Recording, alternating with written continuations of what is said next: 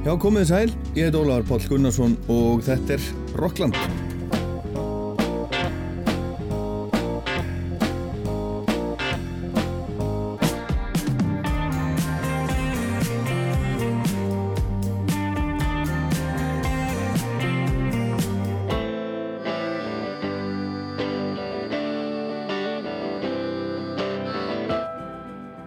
Gestur Rocklands í dag er tónlistarkonan Lovisa Elisabeth Sigrunadóttir sem nota nafnið Leilo.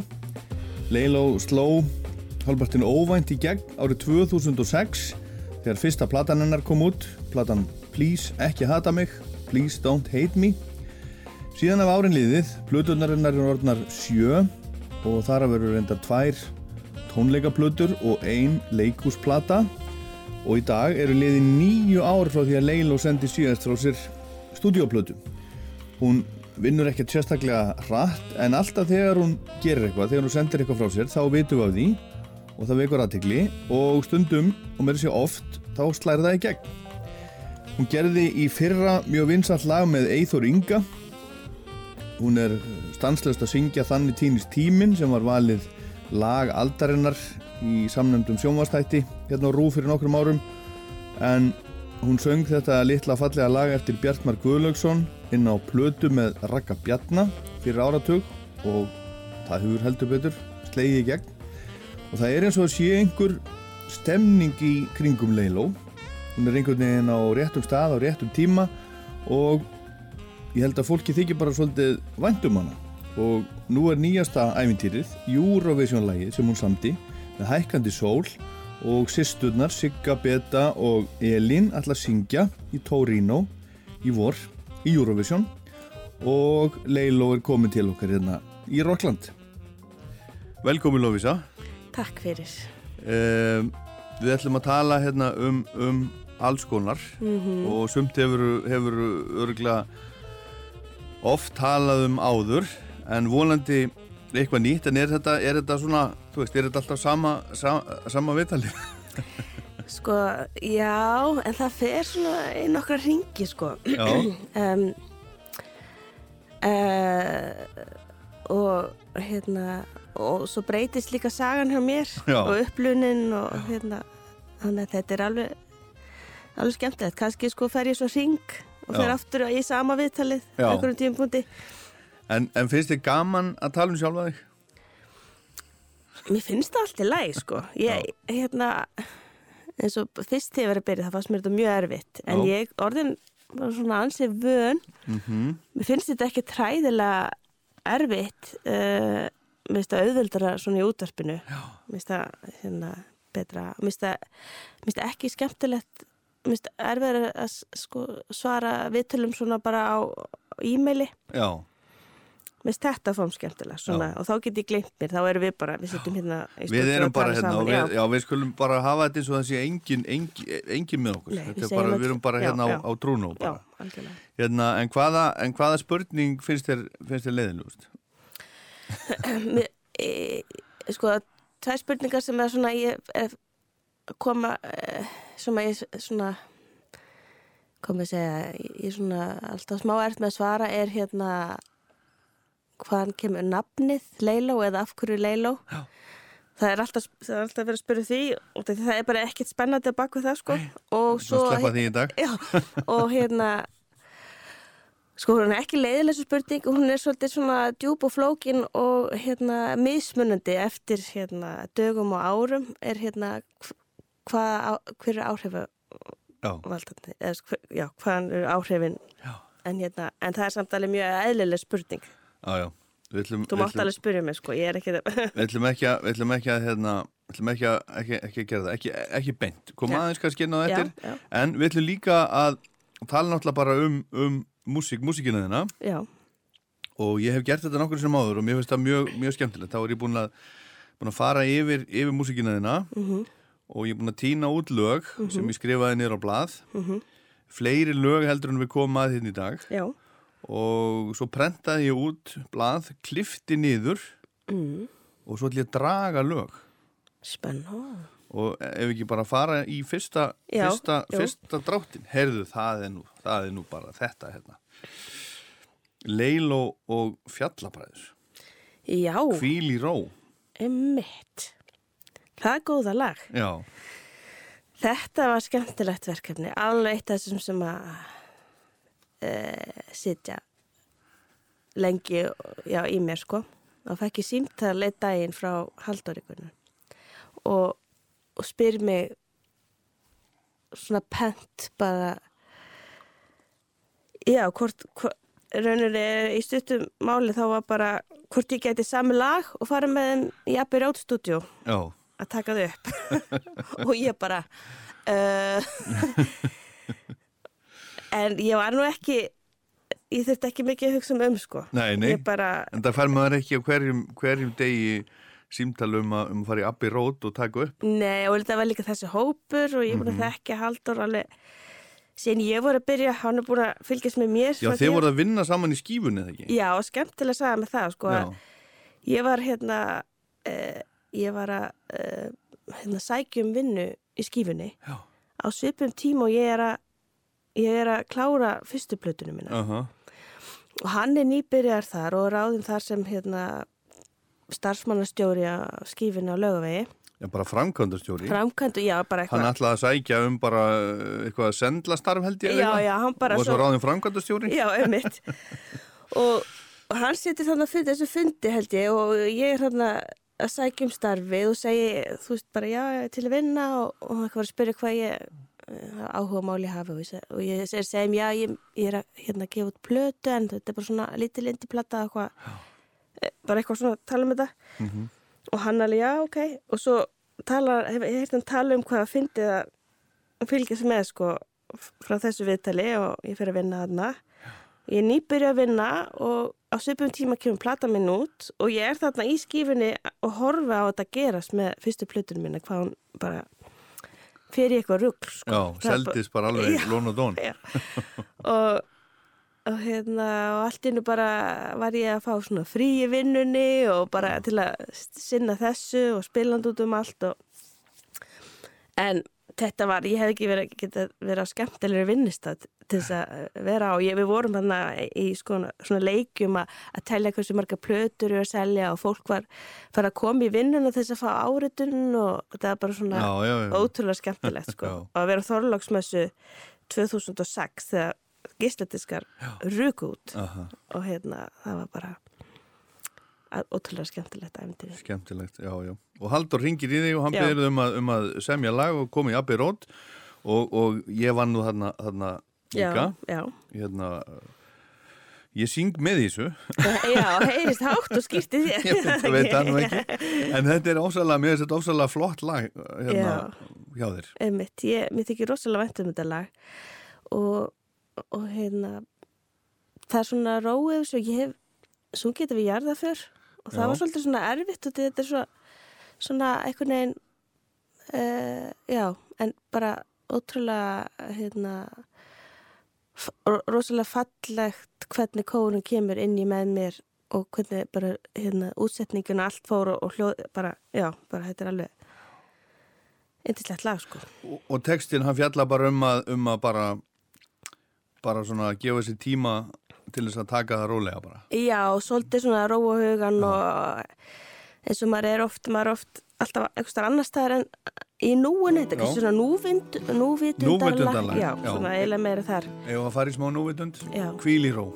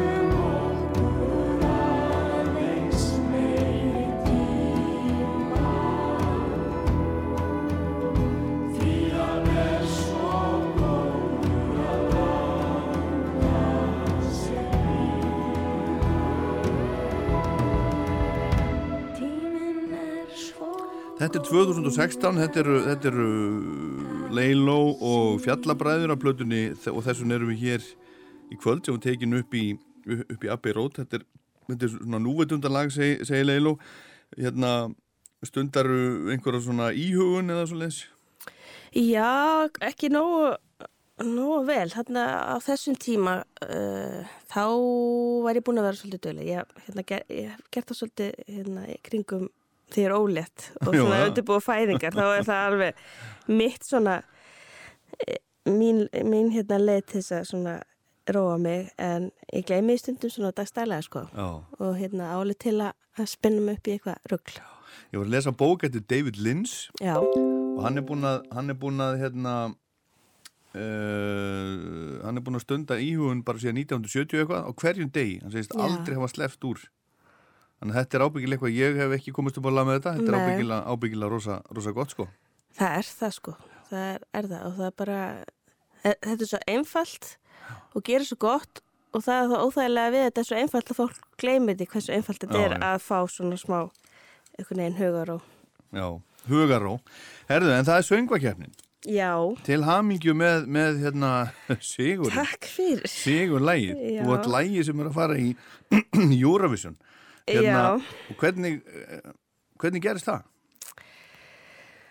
Þetta er bara eiginlega bara eitt, hérna, eitt af þessum, hérna, ég veit ekki að segja, það er- svona sumir hlutir hjá mér sem að mér líður svolítið eins og ég fari inn í, eh, óvart inn í einhverju svona, einhvers konar, hvað maður segja, einhvern sögþráð Já. sem er búið að ákveða og ég hef einhver hugmyndum eða ég, ég veit ekki, mér líður svolítið svolítið eins og ég einhvern veginn detti inn á einhverju vegfær sem ég ætla enga veginn að Já, að fara inn á. Eins og til dæmis bara upphaflega þegar ég gaf út plötuna mína fyrstu. Ég var ekki með neitt á, var, ég var ekki búin að vera mörg ára leiðin að fara að gefa út eitthvað. Þetta bara gerðist eitthvað neginn, ég setti lag á MySpace og allt innu bara svolítið svona með þetta. Það var svona, ég beðin um að senda lagin og ég hugsaði bara, æ, gaman að kannski hafa eitt lag í söngvakeppninni í íslensku bara eitt svona gott útarslag var ekki að, með hugan við að semja eitthvað sem myndi virka eða þú veist hvað, ekki æsalöpum virka í söngvakeppni úti. Já, svo bara einhvern veginn gerð skaldar þegar stelpunar stig og svið sko. Mhm. Ég held að við höfum allir fengið svona smá sjokk hérna eftir fyrstu undarkeppnina við, við, viðbröðunum já, já. að hérna bara einhvern veginn uh, já, þetta bara búið ótrúlega Þetta bara gerist óvart. En, en það var samt, það var samt hringt í því, ekki? Þú, þú ert Í- þeim sem var, sem var beðin um að semja lag já, En nú, nú eru sömur sem hafa verið að gaggrina það, það system fyrst að vera svona hálfgeitt svindl, þú veist Það Já. er auðlist eftir, þú veist, sendið inn lag í söngakefninu og svo eru ákveðnir aðeila valdir já Hefur einhverja, einhverja skoðun á því?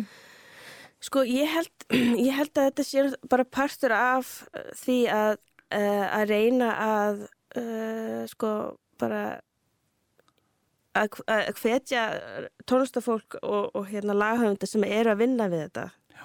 og hafa verið í mörg ár að hérna gefa út efni að senda inn til þess að fá svona meiri breytt sem er að gerast til dæmis eins og með mig og Reykjavík og ég veit þetta ekkert hvort að, hvernig það var með þær, hvort að það voru bennar um það en að hérna að bara fá alls konar tónlist og alls konar hérna nálganir á þessi lög. Þannig að þetta sé ekki bara svona hérna um, ég, ég, já, ég veit ég, ég svo sem hef ekki mikið svona einhvern veginn stúderað þetta. Já. þannig ég veit ekki og ég veit kannski á á maður eftir að heyra frá því að fólk finnst þetta astanlegt að, að ég hef verið beðin um lag og það hefur svo unnið, ég veit ekki en það breytir kannski ekki læginu, ég hef alveg geta gert eitthvað lag sem hefði Já, já, já, já, ég, ég, ég held að ég, ég hef svo sem ekki rætt þetta við neitt hérna hérna hús, ég held að þetta gangi út á það að reyna að fá einmitt meiri, svona, meiri breytt, þannig að þér hefði kannski ekki dott í hug að, að uh, semja lag til að senda inn í sungakefna, þannig að þú ert,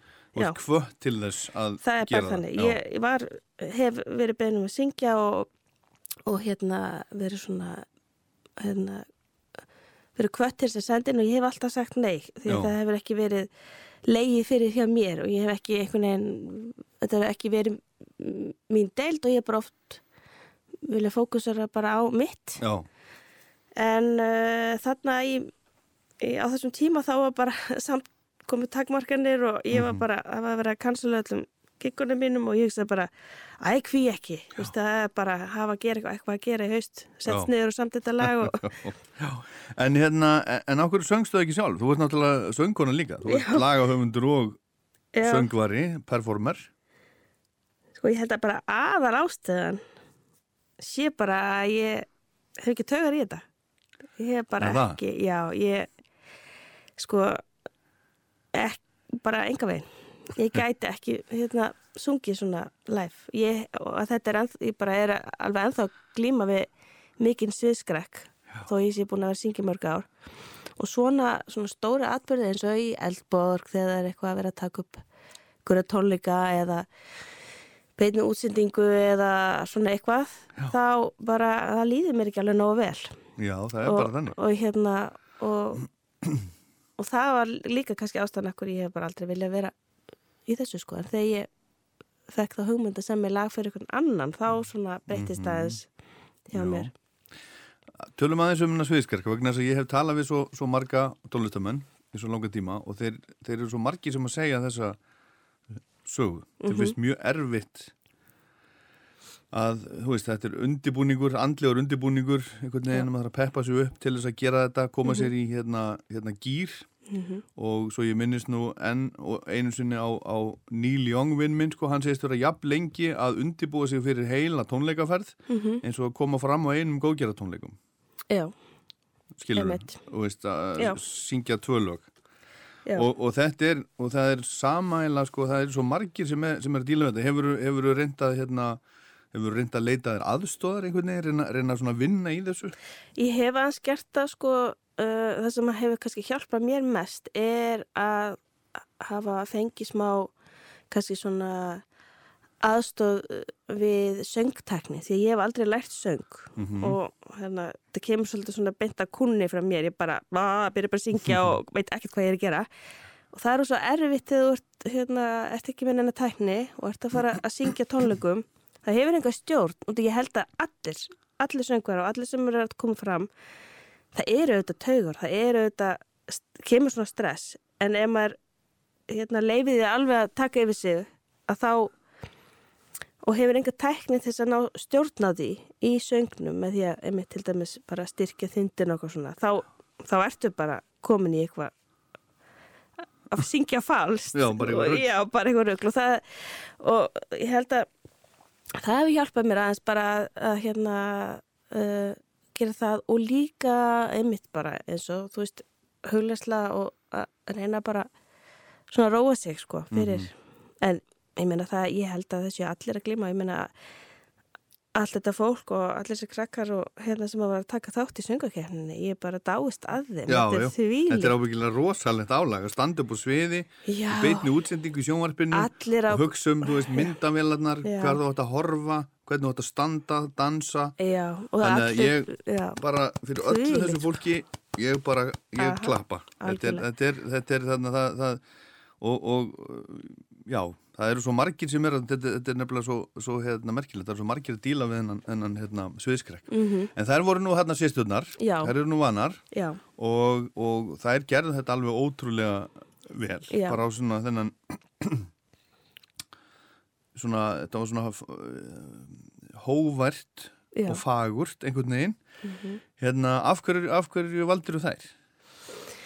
Sko, ég var eitthvað að spekulera í þessu og, og, og hlustaði gegnum alla, ég hef svo marga vini sem er að syngja og já. byrjaði að tjekka á hérna svona einstarhing, alltaf skemmtilega að tala við eitthvað sem ég þekki. Mm -hmm. Ég er náttúrulega tilheyri svolítið svona hóp sem er lítið í þessu að fara í söngvakefnina þannig að það var svona að komu margir til greina en þú veist, ekki kannski margir sem að ég væri vissum að myndi vilja gera þetta en það er einhvern veginn, fyrst var ég að reyna að finna einhvern einstakling Já, og svo kveiknaði eitthvað pera hjá mér Já. og ég sá á YouTube-vídeói það sem það er að syngja ekkert mál eftir Rögg og Gísla, svona Já. að þrýrata og þá bara, þetta er mál. Og þá opnaðist bara einhver önnu vít og hérna, lægið já, ég heyrði lægið einhvern veginn algjörlega fyrir mér með þeim. það eru ótrúlega flottar saman. Já, þessi fjölskylda er náttúrulega bara algjörlega unik sko. já, algjörlega. Veist, þær og, og, og, og bróðvera sem, sem, sem er meðum á sviðinu. Já, Eithor og, og svo náttúrulega Eithor, mm Mhm. pappið þeirra og Ellen. Ætla að verða þau kannski með á sviðinu líka? Nei, ég held að þau ætla að vera út í sal sko alveg hérna háarust held ég Já. að fagna með, með stelpunum. Þau, þau ætla að fara út held ég alveg öruglega Já, en hérna uh, já, sko það var líka það sem að mér langaði líka með þessu lægi út í það er svona uh, bóðskapur í læginu mér langaði svolítið að fá einhverja sem að svona ég finn tengungu við mm á þeim nótum. Og, og við erum svolítið allar svolítið á svipum nótum Mhm. ég á stelpunar systurnar já. Sistur, já. Og hérna Það, Eh. er, það, er, kallað sér sistur í dag, eða ekki? jú, við erum svona eh, hérna, þetta er búið að fyndið með þetta nafn sko, því að það var við vorum ekkert búin að hugsa þetta til enda neitt sko þetta lag og, og nafnið og svona það, bara, það eru bara Sigobet og Elin en núna þegar við erum að fara út Já. þá er bara, það er svona sérfræðingar sem er bara, þetta er svolítið, þetta nafn er svolítið svona út af því að það er náttúrulega bara væri aðeinslegt að nýta þetta Eurovision ævintýri í eitthvað meira sko Já, já. En, að það er svolítið mm, hérna, ósk mín að það gerist hjá þeim að þær fari með þetta svo lengra og bara gera eitthvað úr þessu Mhm. að hérna, fá þessa kynningu þannig að það er núna er, er hérna er búið sendin til að þetta er atriði systur Já. En þú veist, í, í Suðega er Sigabet og Elin Já. og hérna og líka Íslandi, það var eiginlega oftast þegar það var að tala um hver vann það var ekki endilega Sigabet og Elin heldur var systurnar, Já, já. Eithórstætur Já, já. Eithórsískinin, þetta er bara alls Já, já. konar sko, skemmtilegt Sistur En ætlað þú ekkert að vera með, með á sviðinu? Nei, Alveg hörð á því? alveg hörð Ekkert að spila á gítar eða, eða eitthvað? þetta er svo fullkomið með þeim þessi orka og hérna svona hjúpur á þessum sískinum saman þau eru svo fallið saman, ég myndi vera eins og eitthvað ég veit ekki hvað þarna inn í, inn í þessu og ég hef, hef bara svo mikla ánægja að vera á kantinum Já. og þú veist bara einmitt springandi og stolti af þeim Þetta er, þetta er, þetta er flott lag hjá þér, við ætlum að heyra það hérna eftir, eftir smástund. Það er nefnilega eitt af lögunum sem ég ætla ekki að draga, það er bara núna, næst. já, já. Hérna, en, en þú varst að tala um bóðskapin um hvað, um hvað, um hvað er þetta? Sko þetta er ekki umneitt, en þetta er svona meira að ég var að reyna að, hérna sko svona ég setti mig einhvern veginn reyndi að setja mig í spór uh, einhverja konu á 18. og 19. öld sem að með kannski í vista böndum og bandi og hérna ég veit ekki, þetta, þetta hljómar útrúlega svona skringilega en svo liggur þess að ég syngja til hennar Já. bara, ok, eftir 200 ár þá verður þetta aðeins skára svona þróunin á þessu, þú veist oki og hlekkjum og þöggun og allt sem að konur og fólk sem að var á þessum tíma, þetta er bara umulegt sko, að hérna Heldur betur. já, þetta er svona hérna rauninni að hérna maður að segja? Já, og, en á, á sama tíma er þetta líka svona að, að hérna út frá alls konar reynslum hjá fólki. Það er, menna, gaman að heyra frá fólki sem að, eh, hérna, er að sjá sig í tekstunum sem eru einhvern veginn sem að er að gleyma við að koma út úr skápnum eða kynferðisofbeldi eða, eða hérna, þunglindi eða bara alls konar sem að og það er það sem er mér langað sem er þessu lægi að, að kannski kjarnin í því er að að þó að sé erfitt núna þá einhverjum tímupunkti þá verður það aðeins betra og það er einhver von. Er, þetta svona baráttu söngur lítil Magnús? svolítið þannig. Kannski svona, já, þetta hérna já, hugsa þannig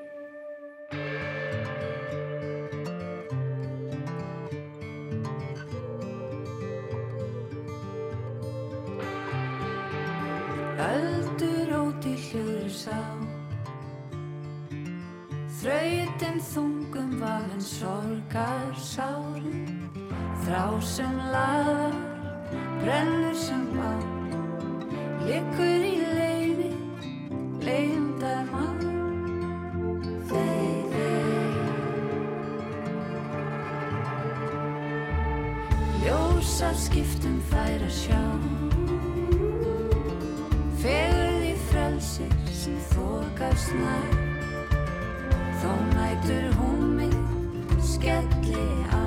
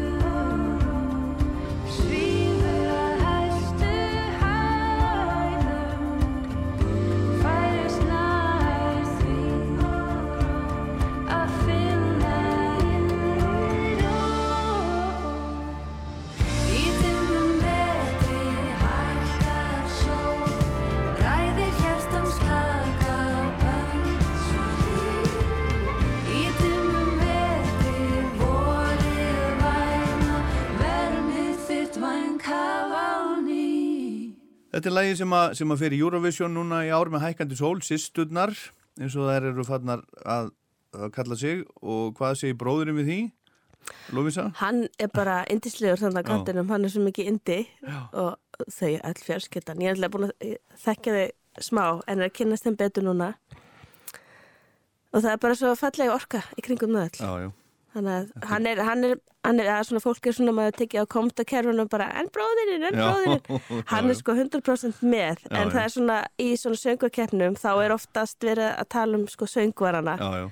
En þetta er svo, þetta er svo flott, þetta, er, þú veist, þetta á eftir að vekja aðtegli, ég er alveg vissu það, sko. Það er, þú veist, þetta er fjölskylda, þetta eru systur og bróður þeirra og það eru allar að spila á hljóðfærin, þó að þau séu með þeim sé ekki stungi í samband Já, og sér maður að það eru að spila. Já, já algjörlega. Það eru ekki bara með hendunar á hálsinu, þetta er bara- ekki props, þetta er, höfum- þetta er, Já, þau getur spilað þetta live bara líka og, hérna, og fólk sér það alveg, þannig að þetta er alveg, alveg alveg, þetta er, þetta er virkilega flott. Og það, og það, það, það er byrjað að undirbúa þetta eitthvað, Mhm, þetta er bara svona, þú, þú, þú ert komin í, í rússibanan, hann er, hann er farin á stað. ég er bara eitthvað stær í ykkur þeitufindi núna. Já, og, og, og nú er náttúrulega umbóðsmaðurinn Gis One Ice, Já. eins og, eins og hann kallaði sig. Umbúsmaður Hann er búinn að fara í Eurovision einu sinni Já. fyrir algjörða tilvíðun Greyið, með hann- hattara Já, hann, við erum, hann er búin að hlæja mjög mikið að þessu. Þegar ég var að segja um að uh, þarna, frá þessu þessar hugmynd með að senda einn lag og hann fór bara að hlæja sko. En þetta er bara það er rosalega gott að hafa einhvern sem er búin að fara Hann er búinn að fara, hann er búinn að mastera þetta. Já, Eða- alltaf með allt öðruvísi aðtrið og Já. að, það var allt annað í gangi þar sko. Akkurat. En hérna en, og bara líka eins og ég segi að út af því við, við erum bara, við viljum allar við erum allar tónlistakonur og, og tónlistafólk og fyrir okkur náttúrulega algjörlega besta í Eurovision en á sama tíma þá vil ég svo endilega að þetta hérna, verði eitthvað meira fyrir þær. Mm að, hérna, og þá er gott að hafa eitthvað svona með okkur Akkurat.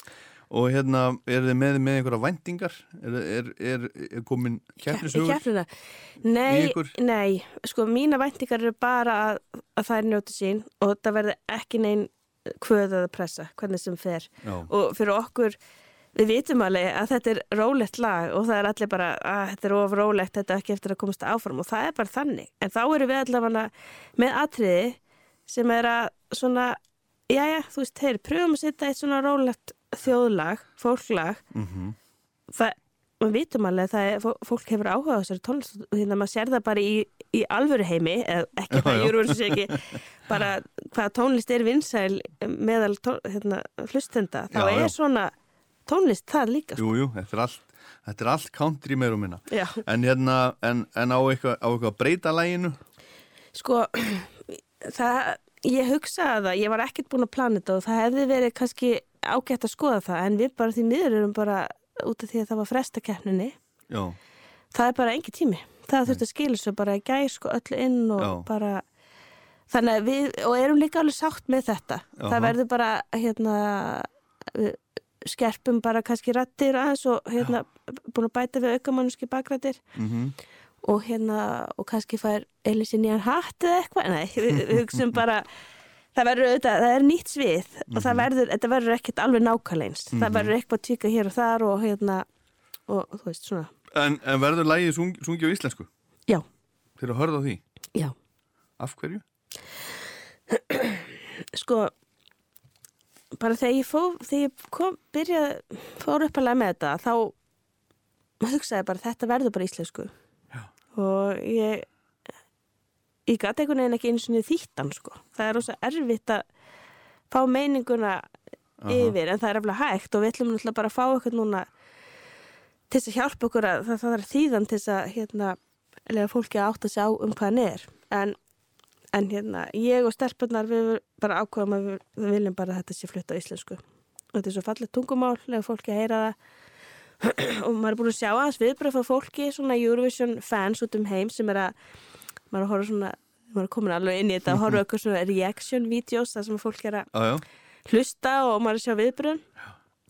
Og það er oftast með þetta með íslensku. Það er allir bara að, hérna, að, að sko, bara fá gæsa yfir tungumálunu já, þó þau skil ekki alveg eh, textan sko, þannig að þetta er bara, þetta er, ég menna, þetta er riski, ég menna, en við erum kannski ekki eitthvað Þetta er riski, en þetta er flott, ég, ég, ég stiði ykkur alla leiði þessu, Já. syngja á íslensku. Já, ég hérna Ég meina okkar, okkar vinsalasta hljómsveit þekktasta hljómsveit um Já. allan heim Sigur Rós, mm hún náttúrulega eða er, er hún ekki, já hún er allavega eina af þeim allra, allra stærstu Já, hún hefur náttúrulega sungið á íslensku og ekki bara íslensku heldur bara á sko bullmáli líka. Algjörlega. Þannig að það hefur, Já, hefur við, gengið. við erum líka alltaf að hugsa til hérna, eitthvað sem að vera að spila í, í London á okkur, einhvers konar skemmtun. Og Vigdís Fimbaðadóttir var þar. Já. og hún kom baksins eftir á og var að hrósa mér, ég og Eifur vorum hana saman. Mm mjög, mjög skemmtilegt kvöld. Og, og kom að hrósa okkur og, og svo sagðum við mig bara já, ég, mjög gaman að tónlistinni en það væri nú gaman að heyra meira frá þeirra íslensku Já. og hérna og var að hvetja mig til að semja meira á íslensku og svona og ég var, þá var ég bara ekki með neitt eða, Já, ég já. er bara svo lítið samað íslensku Já. og, og það sit, það, þetta er alltaf yfir mér þannig að þetta líka Já. þetta með að semja á íslensku núna og ég er einhvern veginn hún hefur verið svo mikið mikill partur af mínu lífi frá því að ég var lítil, hún vektist þannig að mér finnst líka að vera svona einhvers konar Já, hvatning frá henni alveg Minnaru þekkjur hana eða, eða hún er bara, bara- er verið svona ímynd? þegar ég var lítil þá var hún hún er alltaf minn fórsiti The queen. já, já, Mm þannig að og hérna hún, hún náttúrulega bara og ég var nefnitt í skífunni þá var hún að koma að kaupa diskana handa öllum og, og hérna að ég bara Já. þannig að já, Þannig að Vigdís Fimboðdóttir á svolítið í þessu. hún á það Frábært. En áttu uppáhalds Eurovision lag? Mér langar nefnilega að spila eitt Eurovision lag, uppáhalds. Eurovision lagið þitt. Ég veit að þetta er, þetta er, þetta er ekki vonað þessu. nei ah, má það vera íslensku bara, Það má vera, bara, sem má er. vera bara hvað sem er. Bara, verðum við ekki að fá línudans já, eh, með hérna tengingu. já, Það fór ekki, sko, það, það var var í já. það fór ekki allar leið, ekki, hva, það var öðru sæti Öðru sæti? Þegar hvaða lag vann? nú veit ég ekki Nei, en Ellen syngur, já, skulum hlusta á þetta.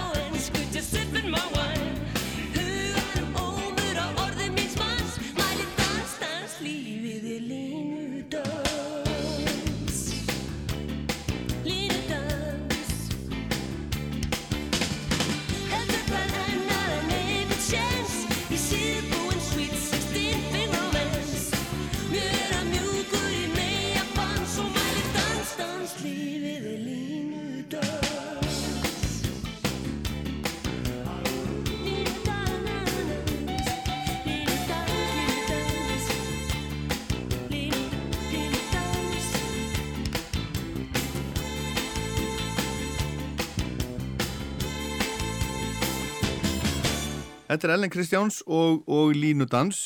Ekki alveg Eurovision lag en, en lag úr, úr söngakefninni og þær voru nú að taka þetta sérstundar um daginn. Mm Mhm. hvar, hvar, já það var í, í hérna úslita kefninni Jú. var hérna, já. Hérna já og Ellen eða uh, fóreldrarnir alltaf með sýstrunum út Mhm, til Ítalíu. Já. Hefur þú komið einhvern tíman til Ítalíu? Ég held ekki. Og bara, ó, ég Hélst ekki? Ég held ekki, út af því að ég er svo mikill hérna, ég veit ekki. Ég ætla ekki að vera að tala neitt um en ég er bara, ég heyrði bara túrin, túrin. Já. svo þegar ég fór að googla hvað þetta væri þá sagði ég Torino, já, betur, nei, jú, ég hef spilað í Torino með Emilinu Torini. Já, það? Já, það var, Já. þannig að það var alveg þannig að æðislegt sko. Ég var túra með henni í, nok, eða, langan tíma sko og þetta er eina borgunum sem fórum í Ah, Akkurat. Þannig að ég hef komið þángað og spilað sem Leiló. Jæja, Leiló, nú ætlum við að draga hérna lag. Já. Má sjá hvað kemur. Herðu, þetta er nú bara hérna heila nýjasta lagið, næst nýjasta. Nú, já. Aftur heim til þín með, með Eithor Já, Inga. Já, já, já. Er, er þetta ekki nýjasta lagið sem að þú hefur sendt frá þér? Jú, sko þetta, sko, þetta er ekki lag eftir okkur. Nei, nei, já. Já, sé, þetta, er, þetta er nýjasta, jú, sem að ég hef, hérna, sem að kemur frá mér og Eithori. Hvað er þetta, tvö á síðan eða eitthvað Já, svona 2020? Ótrúlega skemmtileg. Þetta er ekta svona COVID-verkefni. Já. Það var þegar allt var fyrstu bylgi að skella og þá fekk ég símtal frá honum. Eithori. Eithori, já. Og þá var hann með lag sem að vinnur hans höfðu samið og, og hérna bara svona óklárað laga eiginlega. Og sendið mér demo sem hann hefði tekið upp í símanum og ég er svona, já, þetta er svona, það var eitthvað svona, eitthvað country í þessu og eitthvað svona, svona Johnny Cash eitthvað mm Mhm. sko. Og við hittumst bara fljótlega eftir það og ég var nýbúin að eigna spatt þannig, að ég er með nokkra manna dóttur mína henni í fanginu með að syngja þetta inn í stúdíunu honum. Eh, og það bara aðeinslegt, það er frábæra viðbröð sko, þessu lægi. Það er bara, hérna, fór í miklu spilun og, og hérna, þau erum búin að grína sko, ég er að hérna grínast hvort að í ykkur viðtali við Stefán Hilmars og svona, eða hvort að Jóna Ólis hafa sagt við hana, það var svo fyndið alltaf því tek dúet með ykkurum þá verður það vinsælt. Já, Þannig ég er svona dúetta, að, Já. þú ert að gera bara dúettablötu. ég er bara að gera dúettaplötu, Já. það myndi bara, en, já, þetta var mjög skemmtilegt, ég elska svona að, hérna, að fara í eitthvað samstarf Já. og bara endilega ringiði mig ef eitthvað vant að dúet. Já, og textin eftir Nínu Ríkter. Já, æðislega texti, rosa flottur. Aftur heim til þín, hlustum.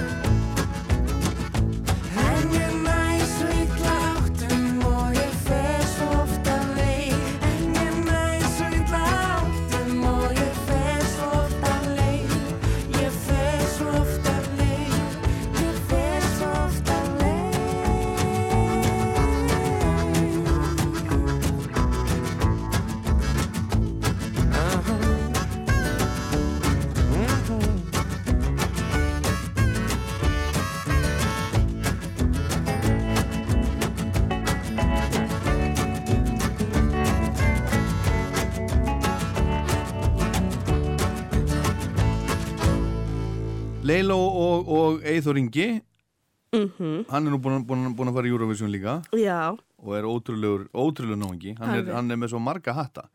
Hann er, hann er allliða skemmtikraftur með stórkostlega rödd og fýll lagasmiður og, og bara músík Rosalega músikal. músíklover Já, hann bleir ekkert allir, ég hef alveg tekið eftir því sko að það er ekkert allir tónlistamenn sem hafa gaman að tónlist já. eða sem er að hlusta eitthvað Nei, emitt, emitt. eða svo- eitthvað skengu tíman og eru bara hættir ég, því Algjörlega, ég menna, já, það er komið tímabilið mér sem ég bara hlusta bara podcast. Bara, já, ég bara stundum eins og ég þurfi að kvíla með eirun, sko. já, En, hérna, en, já, Eithor, sko, við, við kynntumstu gegnum Ragga, Raka Bjarna já, og hérna, og bara, hann er bara, það er hann svo ótrúlega, svo gaman að hann, hann er svo, hann er svo fjölhæfur, hann, og hann er líka svo, hvað maður segja, hann er svo einlega, svo, já, ég er bara, skemmtileg hann er svo skemmtilegur og hann er svo hjertalýr og góður Já, já, þannig að já. það er bara ótrúlega hann að instansu með hann með allir sem hann gerir. Já. og flottur. Herðu, en talandi um hérna hérna uh, tengingar, mér langar aðeins að, aðeins að rifja upp, upp fjölskyldusúna þina. Já, Pappiðin er, er englendingur þegar ekki, eða en samt ekki? Já, hann- einmitt, hann er uh, ættað frá Sri Lanka og er uh, hérna innflytjandi frá, hann er sko nýjára eða áttara þegar hann flytur til London með ömmu og afa. Já. fjölskylda flytur frá Sri Lanka Já, til London. Af hverju fluttuðu þangað? Flúðu þau eða Nei, helst bara að reyna að leita betri tækifæra sko.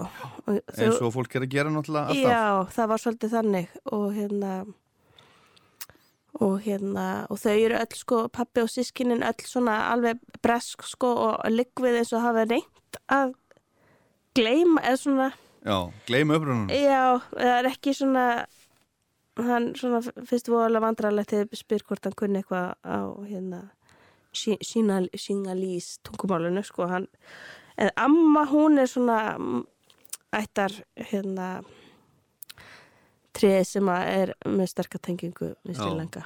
Og er hún lifandi? Já, hún já. 96 ára, Já, ok þannig að ótrúlega mamma er íslensk? Já. En hvar, hvar kynntust fólkdraðinir? Þetta var bara svona ekta íslensk svona saga. Hún er- var auper, fór Já. ung sem auper til London og þar, þannig kynist þau sko. Summer Love Já, eitthvað svo leiðis. En hérna, en þau hérna, það var ekki, það var ekki langlíft það samband. Nei. Og hérna, og ég flytt með mömmu bara því að tvekja og hálf tryggja til Íslands aftur. En þau, þau sem sagt voru saman, byggu saman Já, Já, bara, til þú, þú varst tveggja ára já. Já. En hérna, en ég hef bara alltaf verið í góðu sambandi við pappa minn og og á sömurinn alltaf sem batt verið þar hjá honum og, og svona þannig að ég hef alveg sterkar svona tengingar við London. Já. Akkurat, áttu sískinni? Já, ég á sko ég eina stjúpsistir sem að hérna eh, maður mömmu minnar eh, sko, sem ég kalla pappa líka. Ég á tvo pappa og hérna uh, sem er svipagumölu ég. Mm og svo á ég þrjú hálsískinni já, já, og hérna tvö hérna á Íslandi og eina í London. Já, já, og þetta er alveg góð, rosa góður hópur. Þannig að Þannig að þú ert, þú ert svona alveg þokkalega, þokkalega rík. Já, ég er það. Já. Ef að draga lag? já, það. Ok. Og þessi, já Píntum við, hvað kemur hér? Gleðileg blóm. Já, þetta er svona í tengingu við fjölskyldur og svona þetta Já. er lag sem ég samti fyrir mömmu mína Já, og bara í þessu lagi einhvern veginn að aðeins að gera upp okkar okkar hérna já samband já hérna Hefur það verið, verið stormasamt? Nei, alls ekki. Bara mjög ljúft. En við höfum bara, það var mikið, alls konar gengi á eins og hjá öllum.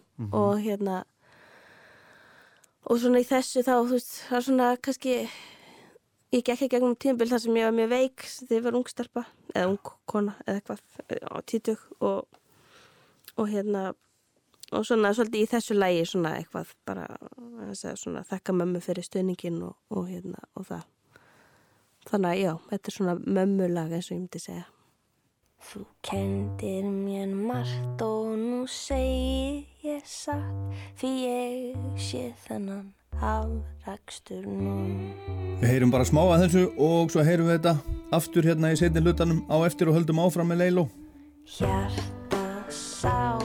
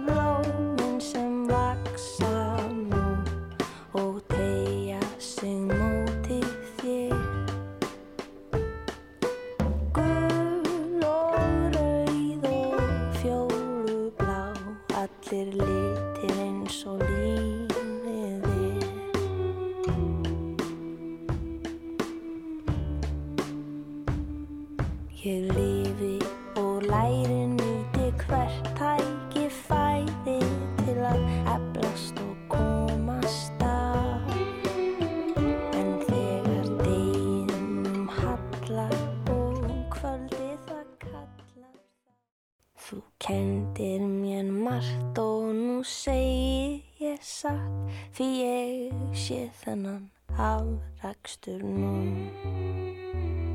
Hey, it's Iggy Pop, you're listening to Rockland on Rouse Tour. Hjarta sár.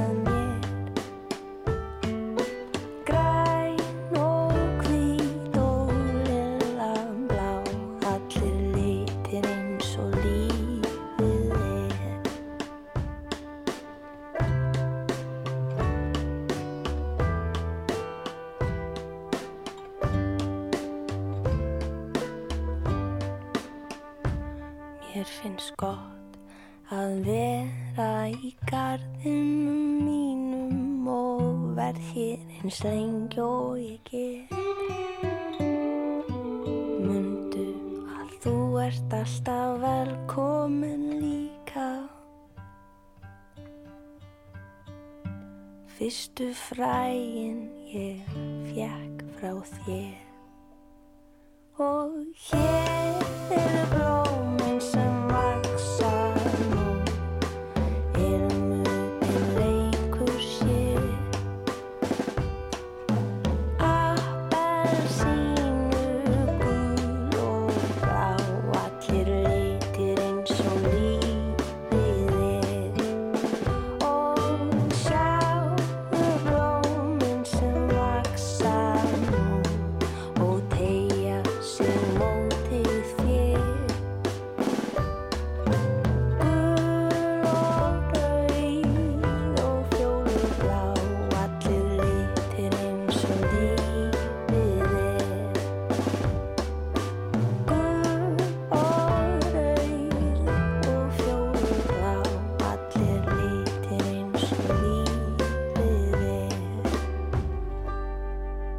Leiló, hún er gestur minn í Rocklandi í dag og við erum bara að spjalla hérna um, heim og geima og, og draga lög og hún segir frá og þetta lag heitir Gleðileg blóm og þetta er svona mömmulag, segir hún og, og uh, út að þakka mömmuðinni fyrir í þessu lagi. En þú, þú hérna, já, segir að þið hafið svona gengið í gegnum hitt og þetta eins og, eins og bara allir.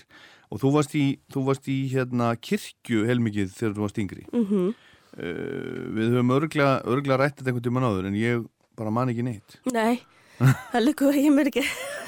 En var það sem sagt mamma þín sem var með þér í því eða? Já, bara við fjölskyldam sko og hérna bara þegar ég var úlingur þá byrjuðum við að fara þangað og, og hérna Og, og er þetta svona eins og við segjum svona sértrúarsöfnuður? já, það mætti segja það en það var nú samt eiginlega meira bara svona kirkju eh, starf og samfélag sem var svona bara svona, já hérna, ég hugsa bara hlýlega til þessa tíma sko. Já. og hérna, og ég held að þetta hafi bara verið góðu stað fyrir mig til að vera á sem úlingur, þannig sé sko. Mhm. ég hérna, þó ég sé ekki í kirkjunni í dag og, og ekki á þeim nótum þá bara hérna og þetta er náttúrulega bara svolítið grunnur líka af tónlistinni minni. Já, þar er ég, kynnist ég hérna, því að hérna, beðnum að vera að læra að bassa já, og það já. byrjar þetta æfintýri því það er bara, það er stelpuljómsitt að sjá um að syngja í kirkjunni já. og fljótlega er mér bóðið að taka þátt í því og það, ég held að þetta sé bara stór partur af mínu minni tónlistavegferð sko. Þannig að það er, það er hérna það er kirkjunni að þakka að sýsturnar eru að fara í Eurovision það má segja það, já. En hvaða, hvaða söfnuður var þetta? Kefas hétt þetta, Já. ég held að sé ekki samt, er- hún er ekki lengur það ekki? nei, Nei. En, en, en hérna eh, en ertu trúið? nei, Það er bara ekki, nei bara Já. búið já, ekkert, ekkert himnaríki engin guð Nei, nei.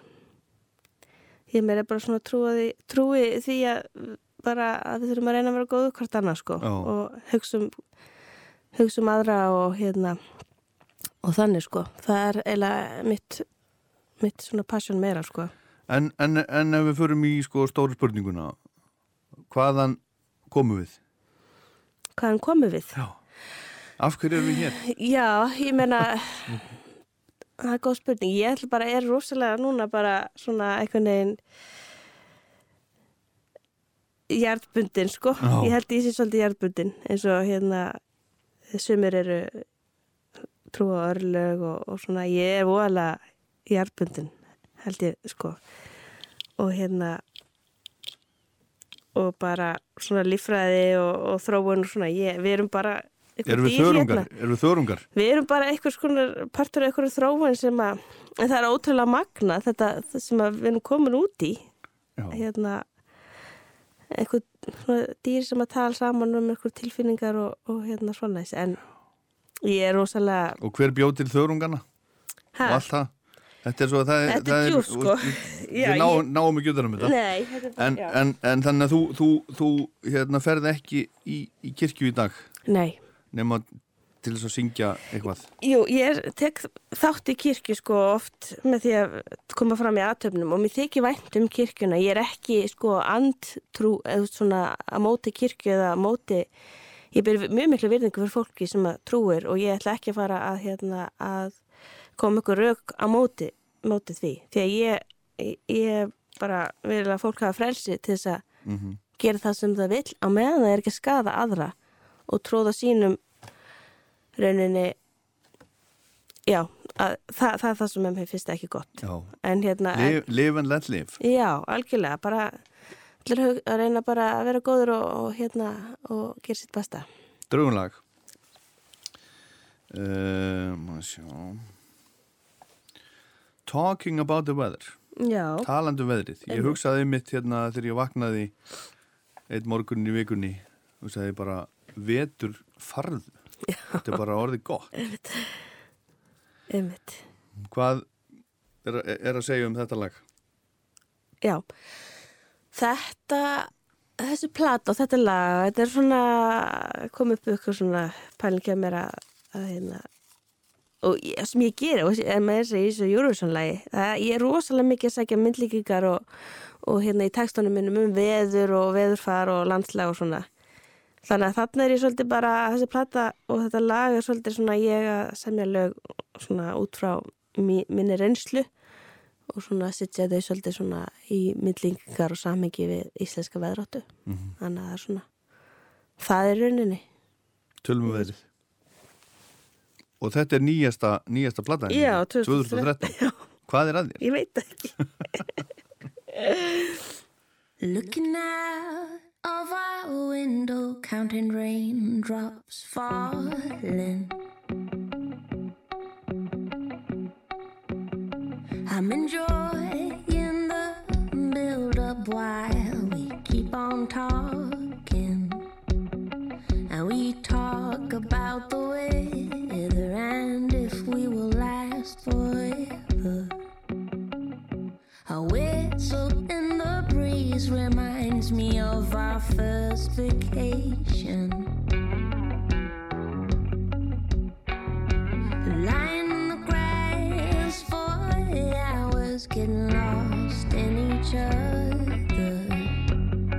I could have stayed there forever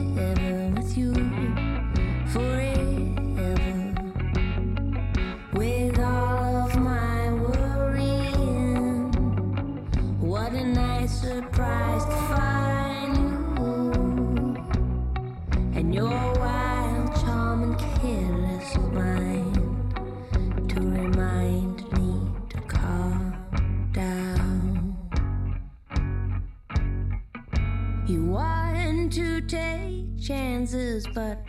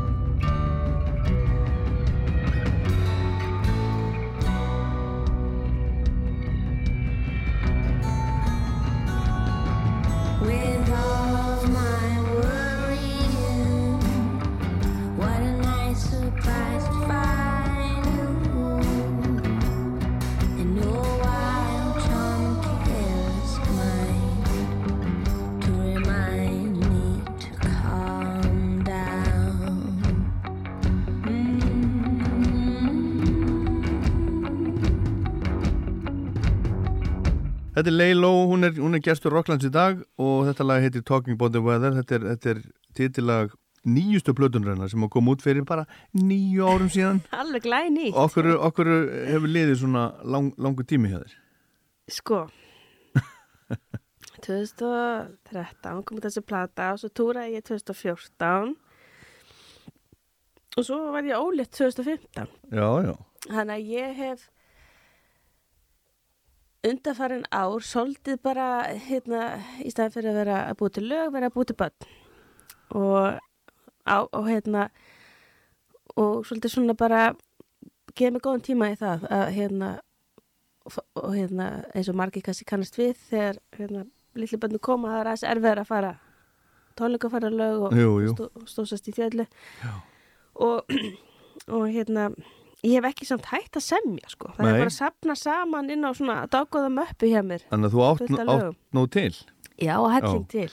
Og ég er alveg með sko svona alveg bara næstu í heila svona brostin strengur tvö Aha, möppu og svo er ég með næstu í heila svona leil og hérna plötu á hansku til.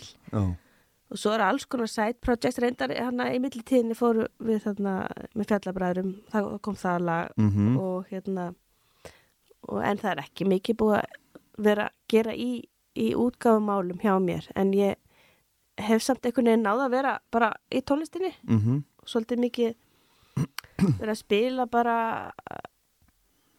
hérna bara á alls konar. Já, hefur verið að spila heilmikið. Já, En hérna, en, en hvað áttu, segir mörg börn? tvö. Og tvö börn? Já. þú varst, þú hérna giftir þig eh, Kodnung já, vinniðinum já, og hljómsveitafélaga úr rock hljómsveitinni Benny Krasbósgang já. En svo bara áttar þið á því að, að þú varst ekkert, ekkert, ekkert mikið fyrir kallmenn þannig? Sko, þetta, er svona, já, þetta er samt sko sko ekki beint þannig sko. Nei. Jó, nei, þú veist, við erum alltaf bara það gekk ekki upp í okkur og sko og svo bara, hérna, skildu hættu, skildu við eh, hættu við þessari vegferð og held, heldum áfram í vinavegferð og, og hérna samstarfsfélagar.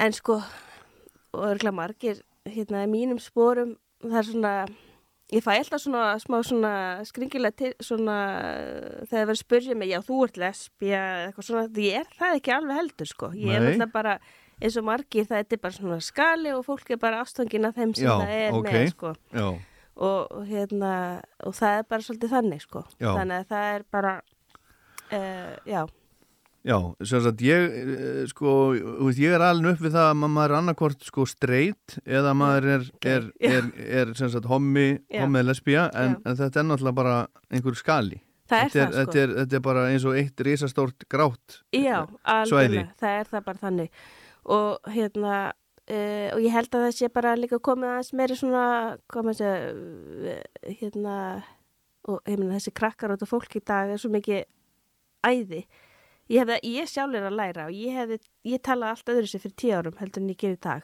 Já, og og hvernig þá? ég meina þegar ég er að hérna rauninni opum, eða svona aðeins að þú veist, opna inn á þetta þá, Mhm. þá var þetta bara svolítið átök fyrir mig. Og þegar ég var sjálf bara einhvern veginn með einhverju klemmu inn í mér yfir, yfir þessu fannst þetta eitthvað voðalega dramatíst Mm en krakkar í dag þetta er bara, þetta er ekki eins og það er ekki eins og verið að ræði þetta, það er ekki verið að spá og spekulera í hvað hva kynið fólk er með því að þetta skiptir einhver máli. Þetta er ekki eitthvað issue. -hmm. þetta er svona rauninni liggu við fyrir bráma detti í bara þú veist, hvort fílaru mjólk í kaffi þetta er ekki. Þú veist, þetta er bara svona, þetta er ekkert svona breytir ekkert hver þú ert eða, veist, og mér finnst bara æðislegt að að hafa bara alls konar og hinsegin og kynsegin og bara alla, Já, alla bara, það er allir bara þetta er bara, þetta er bara einhvern veginn. Já, En hérna, en, en þið eigið sem sagt, þú, þú og konaðín já, Agnes. Agnes, þið eigið tvö börn. Já, og hafið þið báðar gengið með eða, eða? Ég, bara ég. Nú, bara- já, já, ok. Já. Þannig að ég, hérna og bara, það gekk rosa vel. Já, bara, þannig að þetta er til bara hamingjum með það. Takk fyrir. Og þið búið í sveitinni þegar ekki? Já, Þarna á milli Ölfusi. og hveragerðir, já, hveragerðis. Já. Og er það, er, það, er það gott líf? alveg yndislegt sko. Það er bara, þetta er svona uh, við erum að hlæja þeim daginn að svona alltaf í februar þá erum við Já, já, ættum við kannski eitthvað að fyrir að skoða hérna, Já. vísi, hérna, fasterna Já, vefin já, og svona. Færðin, alveg, já, myrkrið og, og hérna veðrið og, og hérna bara uh, þessi vetur núna, hann er búin að vera alveg rosalega sko. já, Svo þegar fyrir að vora þá hættum við að hugsa um þetta. Er sjálfsögðu, Þetta er bara svona, en, dásamlegt já, það eru eiginlega fleiri kostir en gallar núna já, að í sveitin, þannig að við ætlum bara halda okkur þar aðeins. já. Mm. Svo, svo ert í námi, þú Mm. veist í þjóðfræði í Háskóla Íslands ekki? Jú, Já, Og hvað læri maður þar?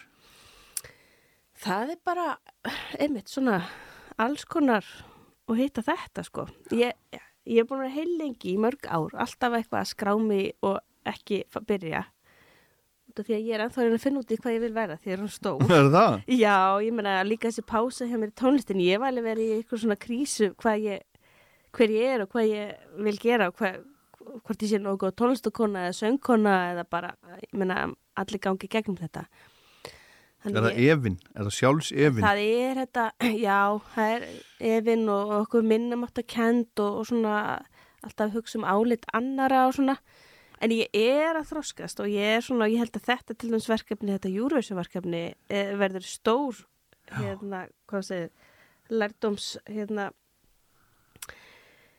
stó, hérna, já, þetta verður hérna, Gott námskeið. gott námskeið í þessu að ekki taka inn á sig hvað hva fólk er að Nei. segja um hann því að þetta er náttúrulega alveg kannski stæstu vettvangu til þess að heyra skoðinu en, fólks. en nú, nú ætlum ég bara að segja það sem, sem utan að komandi maður, sko, að það er, já, ég, ég, ég skil þetta, hvað varst að segja, það er, þú veist, það er þessi sjálfsefi, ég held að séu allir, allir að díla við þetta, Mhm. en sko, en svona yfir höfu þá held ég að bara íslensku þjóðinni þykir nú svolítið vænt um því bara. Já, Það sé nú bara þannig, þú ert einhvern veginn, það er, það er talað afskaplega fallega um þig í rauninni bara út um allt og hefur alltaf verið gert. já, ég sko, ég finna og ég minni með það á. Ég, ég hef enga ástæðu til þess að vera að fara í þetta sko. Þegar ég hef fengið svo rosalega góðan hérna, meðbyr í öllu, bara Mm. rauninni frá því ég byrja. Mm þá hef ég einhvern veginn haft meðbyr og hérna bara einhvern veginn í ákvæðinni og bara ég hef enga ástæði til þess að vera í þessu en þetta er náttúrulega bara það sem allir er að glíma við bara líka bara í persónulega lífi fólks Jú, jú. ekki bara þegar þú ert að gefa út efni það er svona en, en hérna þegar maður er kannski viðkvæmur þá er erfitt líka að vera eitthvað svona ofinber manneski að að- gefa út eitthvað svona hérna það er rosa þægilegt að vera bara heima Já, herðu, draugum lag draugum lag, getum ekki verið bara í einhverju endalusu blæri hérna uh, Horfið á Brostin Strengur frá 2011 Já, einmitt. Þetta, þetta er svona lag sem mér finnst þú svo gott. Ef ég segi sjálf frá. svona gítarlik sem kom hjá mér einhvern veginn og ég er svona uh, um, hérna og svona kannski eitt af þessum svona byrjunar lögum sem að þróu svo yfir í þetta var heil plata, þessi bróstin stenguplata sem ég er að semja lög við ljóð eftir aðra konur.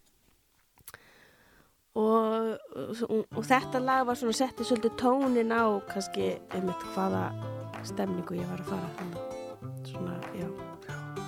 Flott lag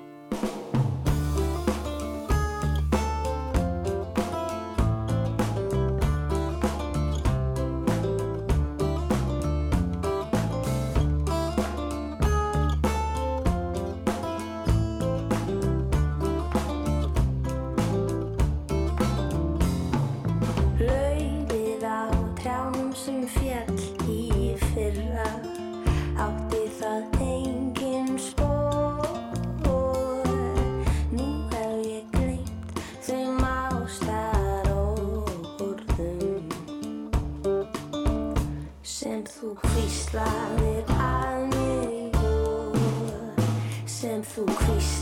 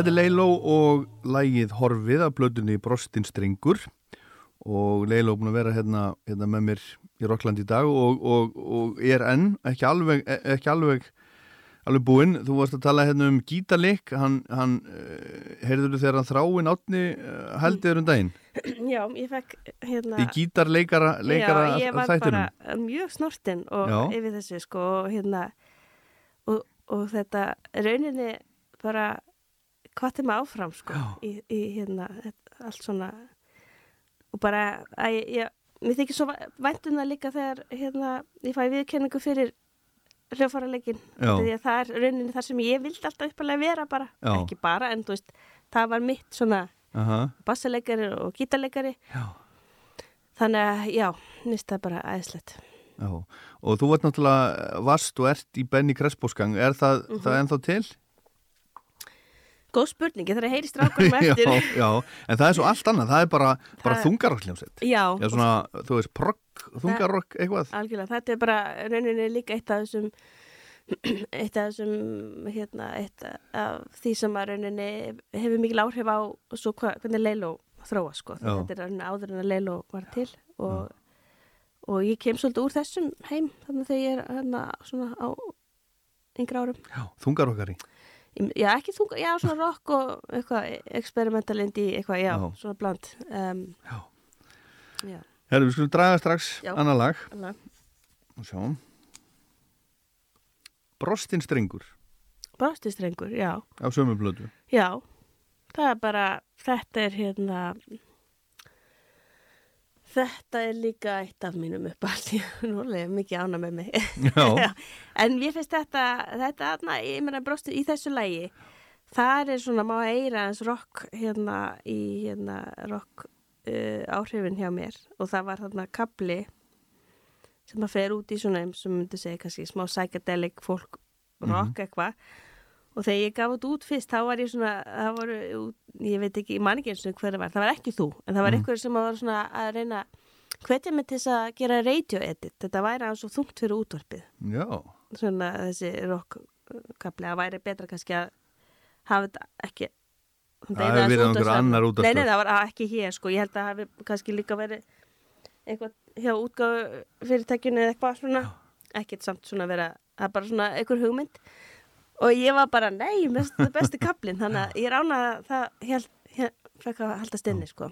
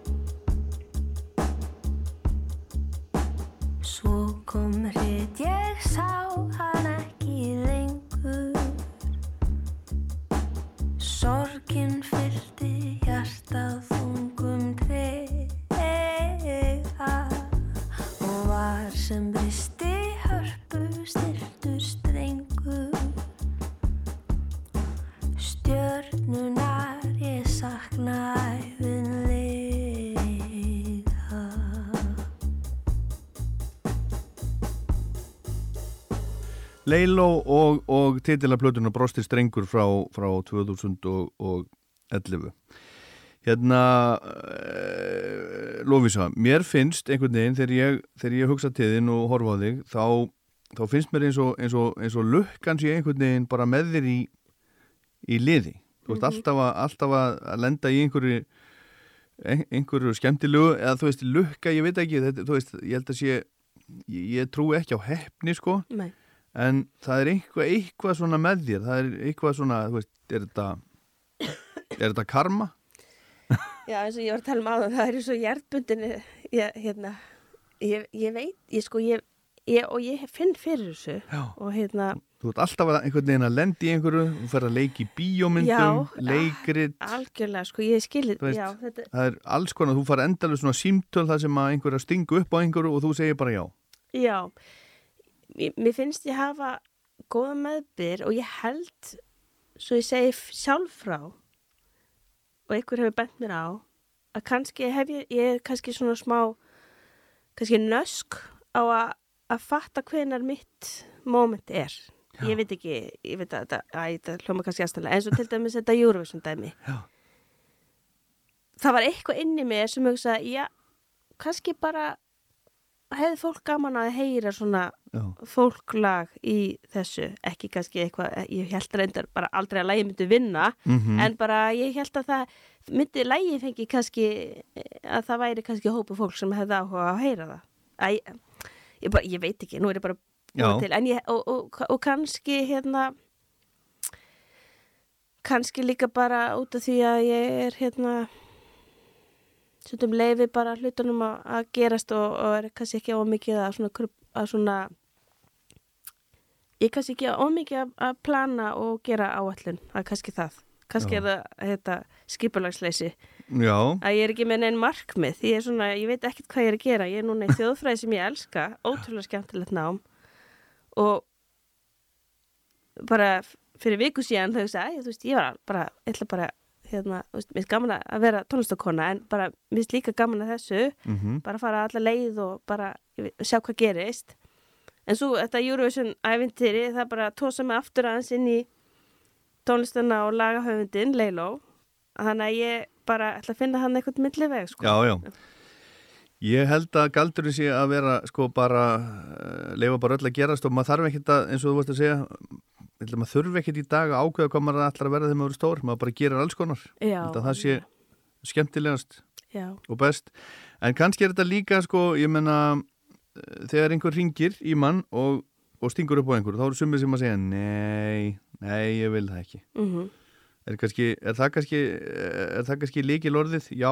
Er já líkilorðið? já, ég held sko líka hjá mér sem ég finn að hafi verið mér svona komið mér uh, virka vel fyrir mig í þessu er að ég, uh, sko kjarnin hjá mér og upphaflega sko það sem ég kom frá var rauninni svona jaðar heimurinn í tónlistinni en ég hef verið rosa opinn fyrir hinum heiminum líka Já, að segja já við að fá að syngja með Ragga Bjarna þetta Akkurat. dásamlega fallega lag já, það hefur breytt lífið mínu.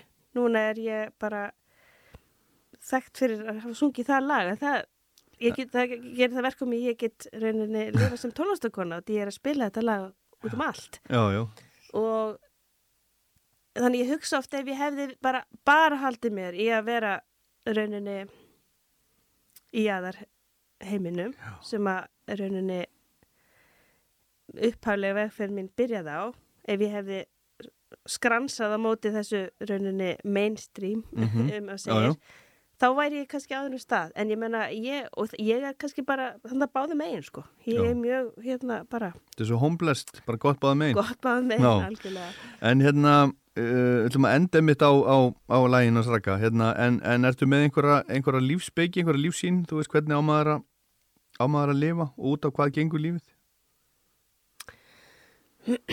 Já. Um, Er það ekki að stúdra þetta í þjófræðinni? Jó, það er svona, það er kannski svona hvernig maður, að hvernig maður er að haga sér sko. Já, ég, þetta er góð spurning. Ég er ennþá að reyna að finna út úr þessu sjálf sko. En ég finn bara, já, mér er að reyna að vera svolítið trú sjálf sér og hérna, ég hef oft gert mistök með, með hvað ég hérna, hef verið að gera og, svona, og ekki heldur þá hérna, vera að hérna, hanga og mikið á því á mistökunum, bara halda áfram og, og ég ætla bara ég held að það sé líka bara gott að hérna að reyna að vera komur að segja, umburðarlindur kakvart öllum og, og góður við annað fólk. Og láta gott að sér leiða. Já, Já. Í hvaða sæti lendir lægið ykkar Eurovision? ég vil bara ég vil, það sem ég vil að lægi geri er hérna mm, ég veit ekkert hvað sæti eða hvort það komist upp úr undakeppni sko. Það sem ég vil að það veki um, umtal um að þarna er eitthvað lag sem er bara hérna uh, hérna með svona von og kærleika í, í hérna segja, og, og mannréttindi í í, í hérna, te- textanum og að við erum bara að gera þetta af einlagni og svona af okkar smekk. Ég veit ekki, ég veit ekki hvernig ég er og bara, ég vona alveg, sé bara að fólk fá að finna kærleikan frá stelpunum líka. Þetta er bara ljómandi gott. mm Lofísa Elisabeth, Sigrúnadóttir, Leiló. Það að enda á, á lægi þjóðarinnar sem var, sem var bara valið lag þjóðarinnar sem að þú syngur. Já. Þú ert eins og Forrest Gump. þú ert einhvern veginn alltaf á réttum stað á réttum tíma. með konfettkassan Já, Herðu, við skulum heyra hérna þig og Ragga, þannig týnist tíminn. Takk kærlega fyrir, fyrir komuna fyrir í við og, og góða skemmtun í, í Í. Eurovision. Já, takk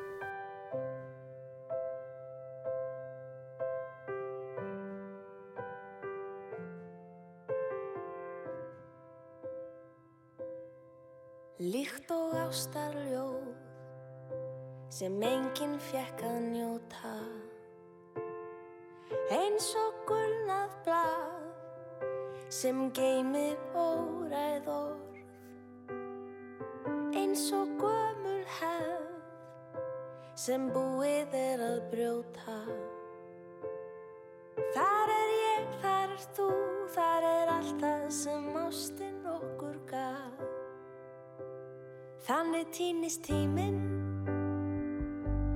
Þannig týnist tíminn. Þannig týnist tíminn þó hann byrtist við og við. Líkt og sumar ást sem aldrei náða blómstra. Líkt og trega tár sem geymir falleg brós Þarna er gömul mynd sem sýnir gladar stundir. Þar er ég, þar er þú, þar er allt það sem ástin okkur gaf. Þannig týnist tíminn. Þannig týnist tíminn. Þannig týnist tíminn þó hann byrtist við og við Þannig týnist tíminn. Þannig týnist tíminn. Þannig týnist tíminn þó hann byrtist við og við.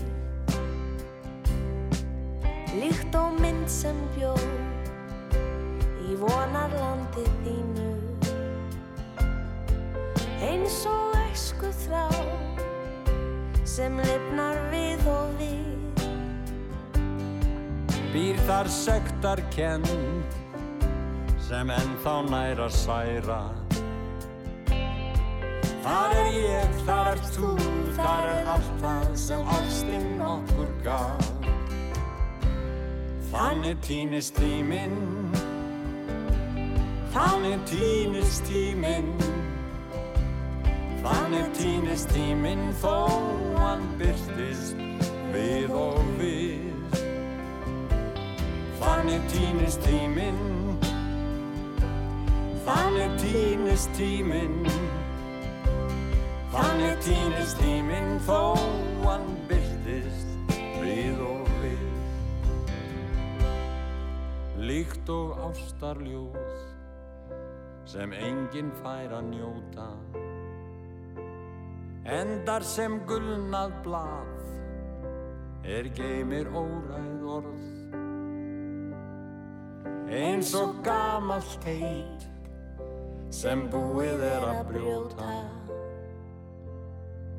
Þar er ég, þar er þú, þar er allt það sem ástinn okkur gaf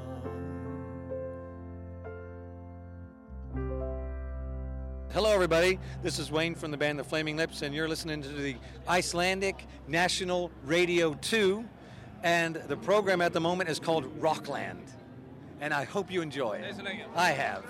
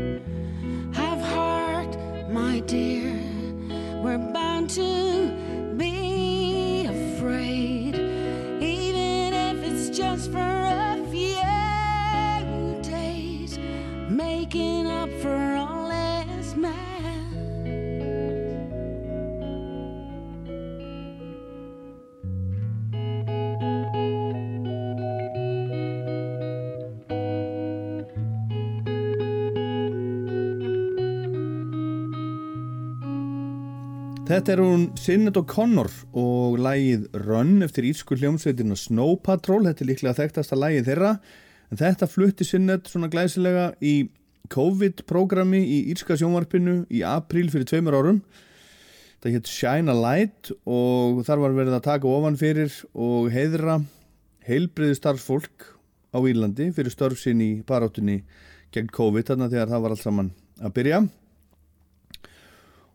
En það er nýbúið að gera heimildamind um sinnet sem að heitir Nothing Compares og vísar í þetta þekktasta lægið hennar sem er reyndar eftir Prince, Nothing Compares to You og segir frá nokkrum árum í lífi sinnet þegar hún var einn stærsta stjarnaheims og svo vesuna sem hún lendi í í kjölfar þess að hún superstjarnan reif mynd, ljósmynd af páanum í beitni útsendingu í þættinum Saturday Night Live í þeim tilgangi að mótmæla kynferðisofbeldi katholsku kirkjunar en það fór algjörlega fyrir ofan garð og neðan hvað hann væri að meina með þessu á svona tíma, ég man mjög vel eftir þessu.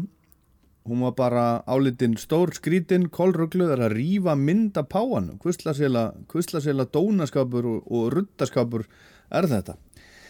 En Sinead O'Connor þessi, þessi merkilega kona, hún hefur lendi alls konar hörmungum í lífi sínu og hefur sagt frá því og síðusti hryllingur sem hún lendi í var að, var að 17 ára gammal sonurinnar hann ákvaða enda lífsitt núna fyrir ekki, ekki löngu síðan. Sonurinn sem að hún egnaðist með írska tónlistamanninum Donald Lunny en þessi mynd hún fjallar ekki um það heldur hérna uppafsárin á hennaferli og, og veilsennið og þessi mynd verður sínd á Stokkfisk kvikmyndaháttíðinni sem að hefst núna eftir helgina í Reykjavík Ássæll Sigurlauga Níelsson er einn af aðstandendum háttíðarinnar og veit meira Kvikmyndaháttíðin Stokkfisk verður haldinn í áttunda sinn dagana 24.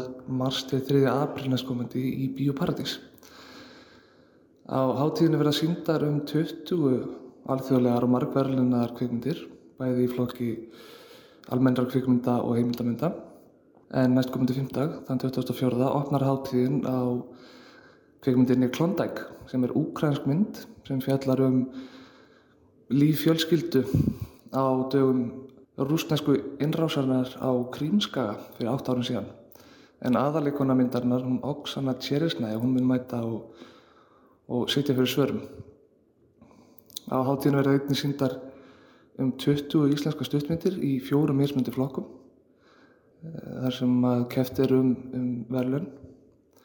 Þetta eru flokkarnir almenna stuttmyndir, tónlistarmyndbönd, heimildamindir og listræn vídeo, eða listrænar myndir. Á loka helgi hátíðranar verður frumsýnd ný heimildamind eftir Catherine Ferguson en svo mynd ber nafnið Nothing Compares og þetta er fyrsta mynd leikstýru í fullur lengt. En eins og glöggir áhörundur kannski átt að sé á þá er þetta heimildamynd um sönguna Sinead O'Connor. Nána tildegi er þarna verið að fjalla um ákveðið tímabill í æfiskiði söngununar þá tímabilið frá 1987 til 1992 þegar að fræða svo lennar skein sem hæst. Og þarna er einblínt á það hvernig hún varð 23 ára gömul einn skærasta stjarnatónlistar heimsins. Og hvernig að á fjórum árum hún varð smám saman færiði smám saman úr því að vera aðal stjarnar yfir að vera útskúfið af meginströms menningar elitinni en hún alltaf var mjög umdelt talaði mikið á móti englendingum og svo þetta er svo frækt er þegar hún reið mynd af páanum nánast fyrir framann auðu allarar heimsbyðarinnar. En því miður þá kemst nú Catherine Ferguson ekki og Sinneit kemst ekki heldur. En ég á ekki vona öðru en að diggir aðdæmandur minni fjölmenna á þessar myndir. En þess ber einnig að geta að báðar þessar myndir, það er að segja Klondike og Nothing Compares, unnu í janúar eh, til veluna á kveikmyndaháttíðinni Sundance.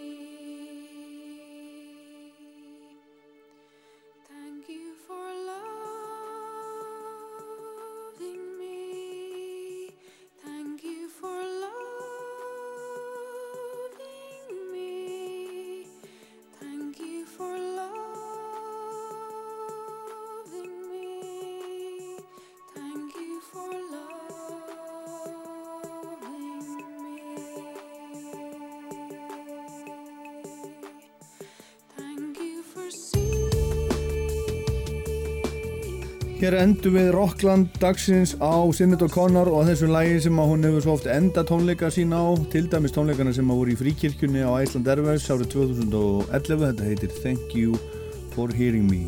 Takk fyrir að hlusta á mig, takk fyrir að elska mig og allt það segir Sinnet Ég ber óendanlega virðingu fyrir þessari merkjulegu konu og hlaka mikið til að sjá þessa mynd á Stockfish hátíðinni, þið finnir upplýsingar um hana á bara Facebook og, og, og netinu, googlið þetta bara. En ég minni á Rocklanda á netinu rú.is, rúf appið. Ég minni á rúf podcast á Spotify og iTunes og það sem þið náðu ykkur í hlaðvarp yfir höfuð. Og minni svo á Rockland mælir með lagalistan á Spotify sem er hægt að finna. Það er hægt að hlusta á hann ef ykkur líka það sem þið heyri þá getið þið smelt á hjartað og fyllt listanum.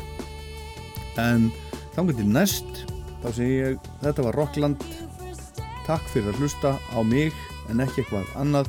Ég er Dólar Pál Gunnarsson.